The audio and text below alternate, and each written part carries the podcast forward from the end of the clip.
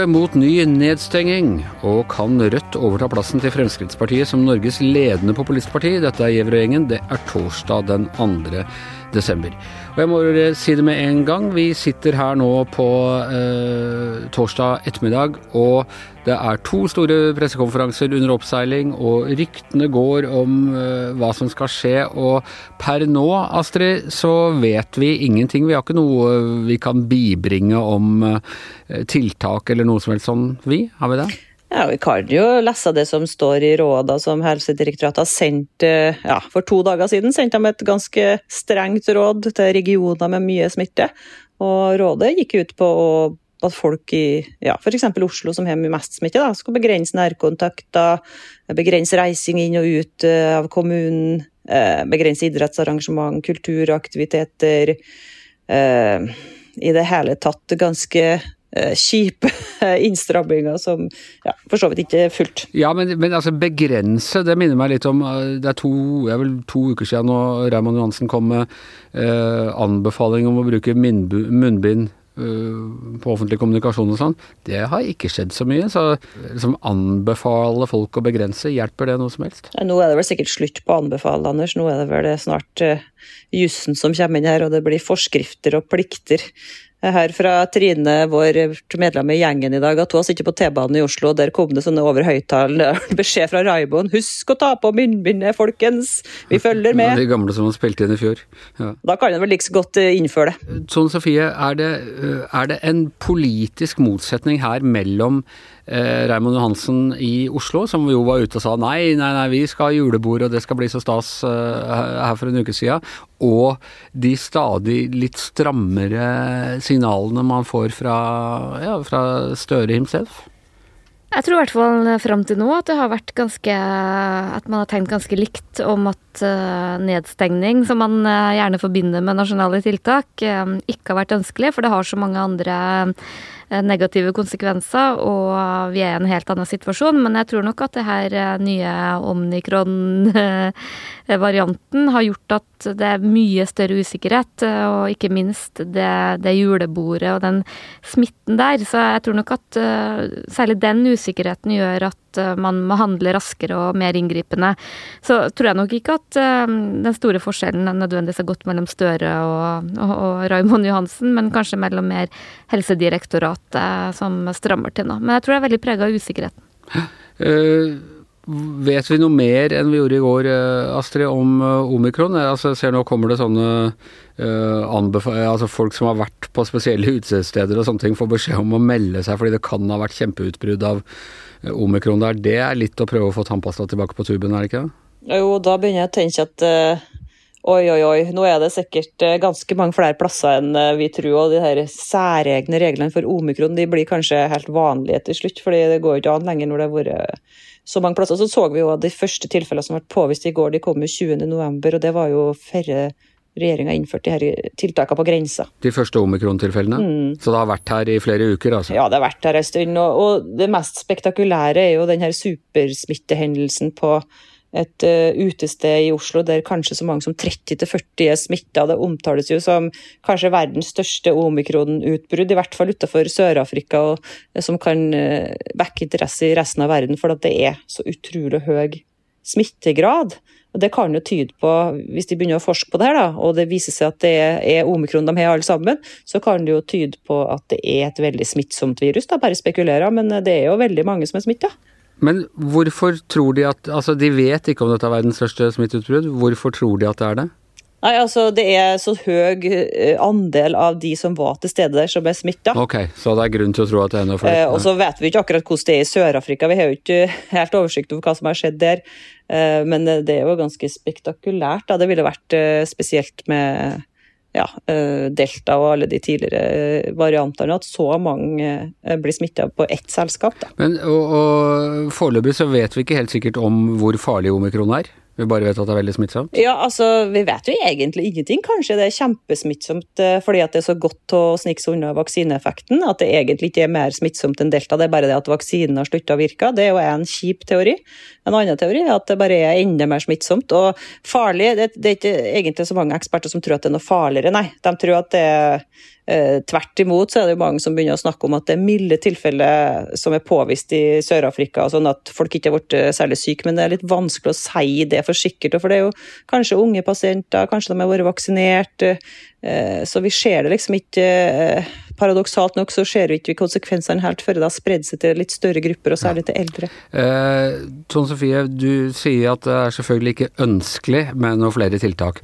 Men hvor mye tror du er Eh, når myndighetene sitter og vurderer dette nå, så er det helt sånn De må vise at de tar det på alvor. Mm.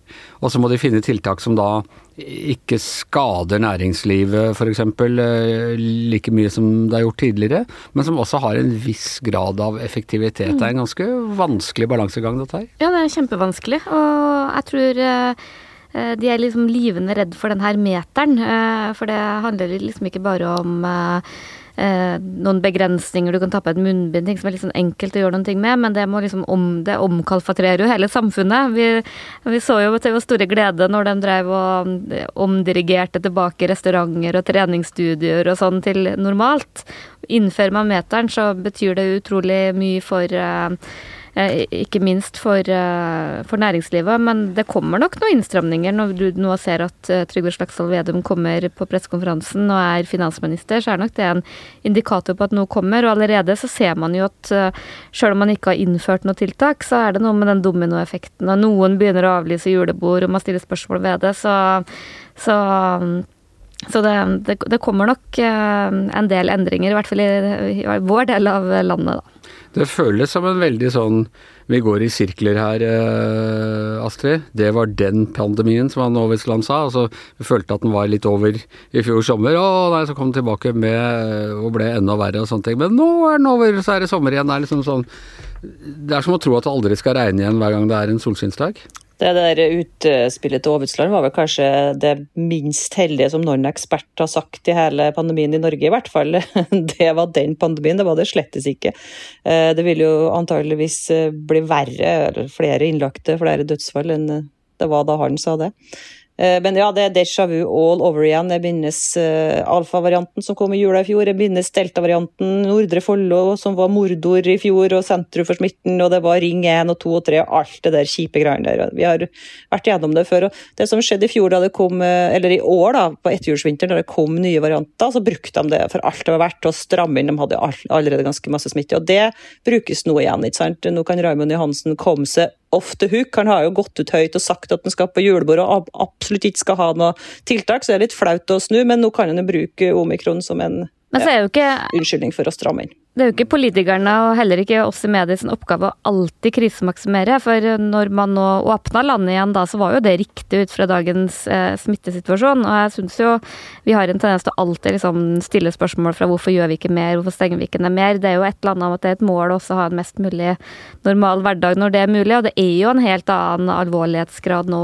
Vi burde ha ligget i, i fosterstilling i, i tilfluktsrommet i to ja, år nå. mange, ja, men verst er det, jeg tror mange mener det. Jeg ser sånn hjemme på min hjemplass hvor det ikke er det eneste smitte, så ser folk bare 'Å, steng ned kommunen, kom på med munnbind'. Det er liksom Jeg tror folk noen liker det. Ja. Ja, det, er, det, er jo ikke mye, men altså, det er jo ikke så mye mer alvorlig enda. Eh, fordi vi vet jo ikke noe om omikron, så det er jo for føre var alt det her vi gjør nå, egentlig.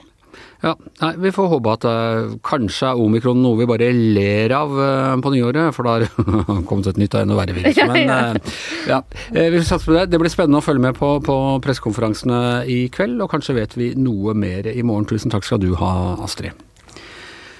Vi skal snakke litt mer om den politiske situasjonen, eller om et trekk ved den politiske situasjonen som vi har diskutert en god del på morgenmøtene i leder- og kommentaravdelingen eh, den siste tiden, og det er eh, Rødts eh, funksjon. Rødt har, kom altså inn med en veldig stor gruppe på Stortinget i høst, største noensinne. De har markert seg med å liksom skulle holde SV i, i, venstre øre. Og jeg må si de har vært fenomenalt gode til å markere seg, Tone Sofie. De har virkelig klart å ikke bare bli en sånn som står og, og hopper opp og ned sinte røde menn og kvinner i et hjørne, men både under hele denne presidentbolig, eller pendlerboligsaken, og, og, nå også under strømsaken, så tar de rett og slett litt opposisjonens ledelse i Stortinget. Ja, det er fascinerende å se på. På veldig kort tid så har egentlig den politiske debatten i Norge flytta seg veldig mot venstre. Når den viktigste opposisjonen mot regjeringa er Rødt og kritiserer derfra, og de, de får mye plass av oss i pressen. Det, det, skal de ha, med både taletid, debatter og På Dagsnytt 18 var det vel Rødt som var eneste opponent til regjeringas budsjett og uh, enighet med SV, men, uh, men, i tillegg så er de veldig gode på det. Uh, tatt stort eierskap både til strømkrisa, til pendlerboligsaken, som du sa, og ikke minst dette med feriepenger til Eh, arbeidsledige og alle de debattene der. Og jeg hørte jo også Bjørnar Moxnes i dag var jo liksom veldig tydelig på at nå har vi sammen med fagbevegelsen klart å bli liksom den krafta som eh, gjør at vi har fått en ny retning, og at det, det går an da, å påvirke politikken fra venstresida. Ja, uh, en, av, en, av, de plassene Rødt har fått i pressen, var jo at vi hadde uh, Marie Sneve Martinussen på uh, livepodkast her for en uke siden i dag. Hans Petter, du spurte henne jo annet om, om nettopp dette, altså om de tar mål av seg til å bli et slags venstresidens Frp som alltid vil ha råd til å, å, kaste penger etter et problem, og alltid være de som lover eh, Kritiserer regjeringen og, eh, og har liksom forslag til eh, alternative løsninger. Ja, og det, de er jo også opposisjonspartiet, da. SV er jo en del av eh, Etter budsjettet og sånn, så er jo SV på en måte en innsydd i regjeringsprosjektet på et annet vis. Da. Så de har jo posisjon til å sitte der og, og, og gjøre det der, da. Eh, og så sa jo Sneve Martinussen sjøl, som er nestleder i Rødt, eh, at Rødt har litt sånn overlappende velgere, velgere med Frp også. Det er ofte litt sånn lavtlønte, og i eh, en del eh, ja, som ikke kanskje blir representert i andre kanaler. Da. Så at, og, og, de har jo flere ved flere anledninger i lang, lang tid sagt at de vil omfavne det de sjøl kaller for venstrepopulismen. Og er stolte av det. Sånn at Rødt har jo åpenbart en populistisk agenda. Eh, og det, det, mener jeg ikke noe negativt med, egentlig. Altså, det, mener bare, mener det, det, er deres eh, si, strategi. da, Å være eh, den talerøret for den lille, lille mann og lille kvinne. Så det, er jo, det, er jo det som Carl I. Hagen også har sagt i alle de år. Er det mulig å se for seg, Tone Sofie, et, et, et stadig voksende Rødt som liksom uh, kommer opp på størrelse med det Frp har vært i sine velmaktsdager? Eller tror du at selve bakgrunnen og selve liksom forståelsen egentlig altså De er jo et revolusjonært parti, eh, står det vel fortsatt et eller annet sted i partiprogrammet. Og, bare på lørdager. ja, bare på lørdager. Og, øh, og, de er bare kommunister etter en spesiell definisjon av kommunisme og sånne ting. Men altså, de, de har eh, Fremskrittspartiet har jo ikke det. De, de har jo ikke noen øh, antidemokratisk arv. Eh, det har Rødt, mm. uansett hvordan du snur og vender på det. Vil de kunne klare å, å frigjøre seg fra det og bli et like stort eh, politisk fenomen som det Fremskrittspartiet har blitt? I hvert fall det å, å, si at de ikke kan bli det, vil jeg være veldig varsom å si. Det er vel flere som har trodd at, uh, at partiet var dødt en gang i tida. og det, det var det jo også. ja, ja, ja, absolutt. Men jeg, jeg, tror både politisk, altså når du snakker med fremtredende Rødt-politikere i dag, så blir du jo kjempefornærma hvis du antyder at de har noe med kommunisme å gjøre. Eh, men jeg tror også at eh, velgere, veldig mange velgere, har heller ikke noe forhold til det, sånn som mange har. Eh, så det, det, det har liksom mista den derre Alle som ble der, voksne etter 1990 har, har, jo ikke noe forhold til AKP. Det er veldig lite. Og så den der skremminga med Rødt og Rødts historie, den, den, tror jeg ikke biter på, på veldig mange lenger. Så det, så det er liksom fjerna, i hvert fall hvis du ser til vårt naboland land Danmark, da, som vi jo liker å gjøre en gang iblant, så ser vi jo at eh, Enhetslista, som er søsterpartiet der, fikk jo 25% i København. Men danskene har alltid vært mer ytterliggående både på den ene og den andre siden enn vi, og sindige nordmenn. Ja, og, og også på en måte mindre ytterliggående. Så i hvert fall potensialet er i hvert fall til stede. Men så er det jo i dag så har du jo Det er jo fortsatt en ganske stor konkurranse mellom Rødt og SV, som er litt sånn i samme sammen at det er et betydelig potensial der. Det det blir ikke noe tvil om. Men det er jo ikke noe tvil om at uh, SV også beveger seg litt i retning av Rødt. Altså, jeg, synes jeg fikk et uh, leserinnlegg fra en stortingsrepresentant i, for SV nå som jeg syns til, til, som, jeg, som jeg bare det skal, det skal ikke si hvem det var, for for jeg vet ikke om jeg skulle publisere det, men det, det, der var det i hvert fall en retorikk som jeg kjente igjen fra å lese Manifest sine Altså den tenketanken Manifest sine uh, skrifter for mange, mange år tilbake. De har på en måte tatt over, anamma det språket som, som har blitt utvikla i, i Rødt-kretsene, bl.a. Om, om det med sånne velferdsprofitører, sånn, som har blitt, blitt, nærmest, altså, blitt et begrep som nærmest er synonymt med Rødt nå. Dem, ikke SV, som, SV som åpna for velferdsprofitørene, var åpne for private barnehager i 2005? 2006? Jo, da, det var jo en dundrende suksess. Ja, det var det. Rett og slett. Altså, hadde jo selvfølgelig en del baksider ved det. Det var jo noen som gjorde seg utrolig rike på det, på det greiene her. Men, men, det er ganske interessant å se hvordan, hvordan den, den, retorikken som, da, som de Rødt-folka systematisk og godt, må jeg si, eh, har jobba med i flere år, har, har sevet både inn eh, på resten av venstresida også. Ikke bare SV, men du hører fra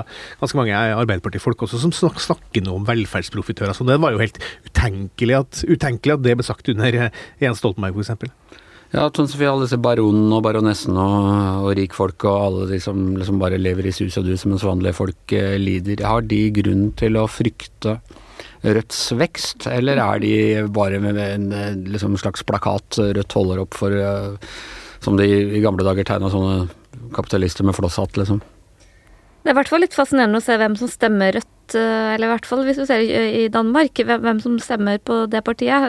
Så så i hvert fall ikke den tradisjonelle arbeiderklassen. Eh, det er litt Nei, vet noe om det her i Norge? Hvem er det som stemmer på dem her? Ja, I valget i år så har jo de hatt et større innslag av klassiske arbeidere, arbeidsledige, men tradisjonelt så er det jo liksom godt utdanna folk i byene med mm, den øvre middelklasse, vil jeg vel kalle det. Akademikerstanden. Ja, sånn men på dette valget her så har de faktisk lyktes med å appellere til Ja ja, sånne som dere. Mm. Eller deg. Oh, ja, jeg meg. Regna deg også inn her. Kan du også legge til at den, den utdanningsgraden, på, den utdanningsgraden da, blant stortingsrepresentanter gikk ikke akkurat ned når vi fikk inn de Rødt-representantene. Det, det er jo både folk som driver med doktorgrad og andre ting. Så det er jo, det er jo et både-og-fenomen. Altså, de har vært flinke til å henvende seg til, til det som vi kan kalle arbeiderklassen, da, eh, og til, til, den mer sånn radikale kulturmiddelklassen i byene. Så de har, de har på en måte nådd fram på begge de frontene. og det er jo som jeg spurte hun Sneve Martinus også på den podkasten, er jo at uh, er nå tidsånden så på eh, Rødt sin side at, at det her kan bli et større fenomen. da, og Det tror jeg da at de har i hvert fall potensial til. Så får vi nå se, da. Vi vet jo aldri. Vi har jo spådd så mye rart, da, Anders. Eh, ja, snakk for deg sjæl, jeg. Men litt som jeg skriver om i, i en kommentar, er jo at jeg, tror jo at eh, det som eh, SV nå har fått gjennomslag for i regjeringsforhandlingene, nemlig at man skal utfase eller forby, eller hva man nå um, lander på, private aktører i velferden som er, det Her er jo SV veldig inspirert av Rødt, som har uh, snakka veldig mye om det. Uh, jeg tror det er å gjøre uh, offentlig sektor en, en bjørnetjeneste. jeg kan jo forstå at man ikke ønsker store internasjonale konsern skal drive eldreomsorg og barnehager og sånn i, i stor, stor stil. Men at det er eh, en del private innslag, tror jeg er med på å gjøre offentlig sektor eh, eh, bedre, mer fleksibel, gjøre tjenestene bedre. Og det handler ikke bare om økonomi, det handler om måte å, gjøre ting på. Så det de holder på med nå, skal utrenske alt det, det, det ville jeg vært litt sånn bekymra for, hadde jeg vært moderate krefter i eh, Arbeiderpartiet. Og så er jeg jo veldig enig med Hans Petter om at språk er veldig fascinerende, for eh, jeg tok meg sjøl i det på, på en, Jeg skrev en, en eller annen valganalyse en gang hvor jeg skrev om Rødts kamp mot velferdsprofitører. Som, liksom, som, at det begrepet liksom, mm. var innarbeida. Da var det en leser som liksom arresterte meg på det. Og det er liksom hvor lett det har gått inn i dagligtalen og, og påvirke synet på, uh, på samfunnet. Uh, Hans Petter mente for noen år siden jeg var i en radiodiskusjon med Pål Steigan at jeg snakka som en AKP-er etter, jo mer engasjert jeg ble. Og apropos det, for å stikke fingeren der det gjør litt vondt. Ja da, altså AKP er død, og vi skal ikke mase om hva de mente om Stalin i 1978. Men du har altså en nettside som heter eh, steigan.no. Der er det mange aktive Eh, Rødt, eh, i hvert fall politikere på, på mer grasrotnivå. Eh, der finner du alt fra vaksinemotstand til sånn Putin- og Assad-begeistring. De står for en sånn Altså, de er ikke sånn sånn eh, Rødt som bare vil liksom omfordele midlene eh, og sånn. De, der står du for et helt alternativt, vil jeg si, verdenssyn. Både politisk, ideologisk og, og, og sånn virkelighetsforståelsesmessig. Er de bare en, er det en liksom liten blindtarm av Rødt som kommer til å, å forsvinne med 68-erne, eller er de et potensielt problem for dette partiet? Jeg mener jo personlig at det er et kjempestort problem for Rødt. da. Eh, nå, nå, er jo ikke Steigan er jo ikke her for å forsvare seg, så vi kan jo karakterisere den som vi vil, for så vidt. Men, men jeg, jo, jeg, jeg, tror heller ikke at Rødt har noe interesse av å bli assosiert med Steigan i det hele tatt. For det er ikke bare venstreradikale som holder på der. Det er også andre folk som har andre agenda. Så det, det, det fanger jo opp mye rart. Men jeg må jo si at jeg, jeg jo, min bakgrunn er at jeg har jo skrevet en, eh, en hovedfagsoppgave om AKP-ML og skrevet en bok om det. og Laga en TV-serie om det og skrevet mange artikler om det. Eh, og holdt på med det her i mange år. Og jeg har et, mener jo at jeg syns jo at Rødt Eh, på, på, et eller annet nivå slipper litt billig unna, da. Eh, når de sier at nei, det er vi ferdig med. Eh, det, er liksom, det har ingenting med dem å gjøre, det er bare noe, noe helt annet, da.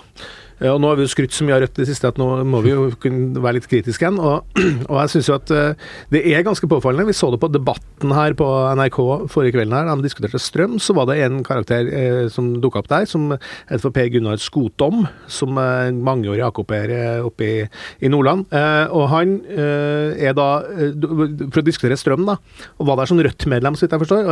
og han er da landsstyremedlem i Rødt, ja, og styreleder for Eh, den, eh, eller den eh, gruppa som gir ut Steigan.no. Så klart at han er jo assosiert tungt med Steigan.no. Så det er jo spor av det her i Rødt fortsatt. Det, kan, det kommer de seg ikke unna. Om, om det forsvinner med 68 grunner, jeg vet ikke. Men altså, jeg syns at Rødt må få, tåle å få de spørsmålene uten at For det, det irriterer meg alltid når du skal diskutere Rødt. Så sånn, når, kommer, når, når, jeg så på Facebook, det, så var det folk som, som, som påpekte det at han sitter i landsstyret og, og er assosiert med Steigan. Så sier ja, men er du ikke opptatt av de småkorsfolket som får det vanskeligere under strømkrisa. Jo, selvfølgelig er jeg opptatt av det, og det har vi jo snakka mange ganger her i podkasten, skrevet masse om òg. Men det betyr ikke at vi ikke kan diskutere den andre tingen eh, også. Og jeg syns av og til at det blir litt sånn lett, da, og det tenkte jeg litt med hun Sneve når vi hadde henne på podkasten, at hun bare avfeier seg. Hun, nei, hun var ikke født og sånn. men det er, det er, jo sånne folk der fortsatt som får og har en slags definisjonsmakt, og som har påvirkning. Og i, i den debatten så var jo også uh, AKP-sliteren Boje Ullmann, som har vært med alle de år, en ganske artig type. Jeg kjenner godt en, en artig type, men han er, jo en, han er jo en av de gamle gutta, han også. ikke sant? Og, og de er jo overalt. da, det her er jo jeg så et intervju med han Skotom som jeg nevnte i Klassekampen. Han sa hans, største, eh, hans beste egenskap i politikken er at han aldri gir seg. Han skal stå på han står på hele tida, har en stayerevne. Og det kan du si om de folka her, de har stayerevne, altså. Ja, og det for de som, som, husker dem, så var det jo sånn de kuppa mange organisasjoner for de holdt ut på de møtene, men så hadde etter at alle andre Det er jo, det er jo sånn de holdt på i fagbevegelsen, eh, hvor mange har eh, jeg skal ikke si ikke orka, men um, de har jo Kuppa blir kanskje feil ord å si, for man har jo bare gjort en jobb. Men det har jo vært uh, fordi mange andre ikke har prioritert det høyt, da. Så må jeg bare si, ikke for å ødelegge den gode stemningen eller uh, humøret til Hans Petter, men nok et sunnhetstegn for partiet Rødt, at det, at det, kan gå ganske bra med dem framover, er jo at i motsetning til f.eks. MDG, som gjør det veldig bra i byene og, og dårlig i resten av landet, så er det et parti som også gjør det ganske godt i distriktene, og du har ikke det veldig store variasjonene og har også noen ganske sånn sterke rekke områder. Ja, de har renonsert på en god del sånne miljøkrav antagelig for å kunne gjøre det bedre i, i distriktene og sånn. Absolutt. Så altså, nå jeg, jeg har skrytt mye av Rødt i det siste, jeg syns de har vært kjempeflinke. Og jeg, jeg, jeg, tror også at potensialet for dem er stort, men de må også de, altså, blir, altså, Vi må jo kunne snakke om det her, kanskje, ja, ja. kanskje vi gjør det høyere. Men altså, jeg bare tenker på en ting, du, du nevnte med de kuppede organisasjonene, eller hva nå de gjorde, så har de jo Det er oppretta en, en, en, veldig en aksjon som kalles for Industriaksjonen nå, da, som, som får mye taletid, og, og jeg har sikkert veldig gode Eh, godt formål og sånne ting. Det, et, det står et styre hvor det sitter tre av fem er, er Rødt, eh, AKP, skråstrek AKP til eh, folk, da. Så de er, driver på samme måten fortsatt. De, de oppretter jo utrolig flinke folk, vet du. De oppretter jo organisasjoner, de, de, holder på, som jeg sier, de har stayerevne. Og så plutselig så får de delta i debatter, og så setter tonen og, og definerer språk og definerer problemstillinga. Så at det her er, det her er folk som er Ja, jeg, jeg må si jeg beundrer dem litt òg. Det er jo det er flinke folk. Vi er i hvert fall ikke ferdig med å snakke om Rødt her i eh, Gjevrøy-gjengen. De kommer til å prege den politiske debatten i lang tid framover. Men vi er ferdig uh, for i dag. Eh, I studio Tone Sofia Aglen, Hans Petter Sjøli. Vi hadde med oss Astrid Mæland på link. Jeg heter uh, Anders Giæver, og mannen som har skrevet hele manifestet vi bygger vår podkast på, er som vanlig produsent Magne Antonsen.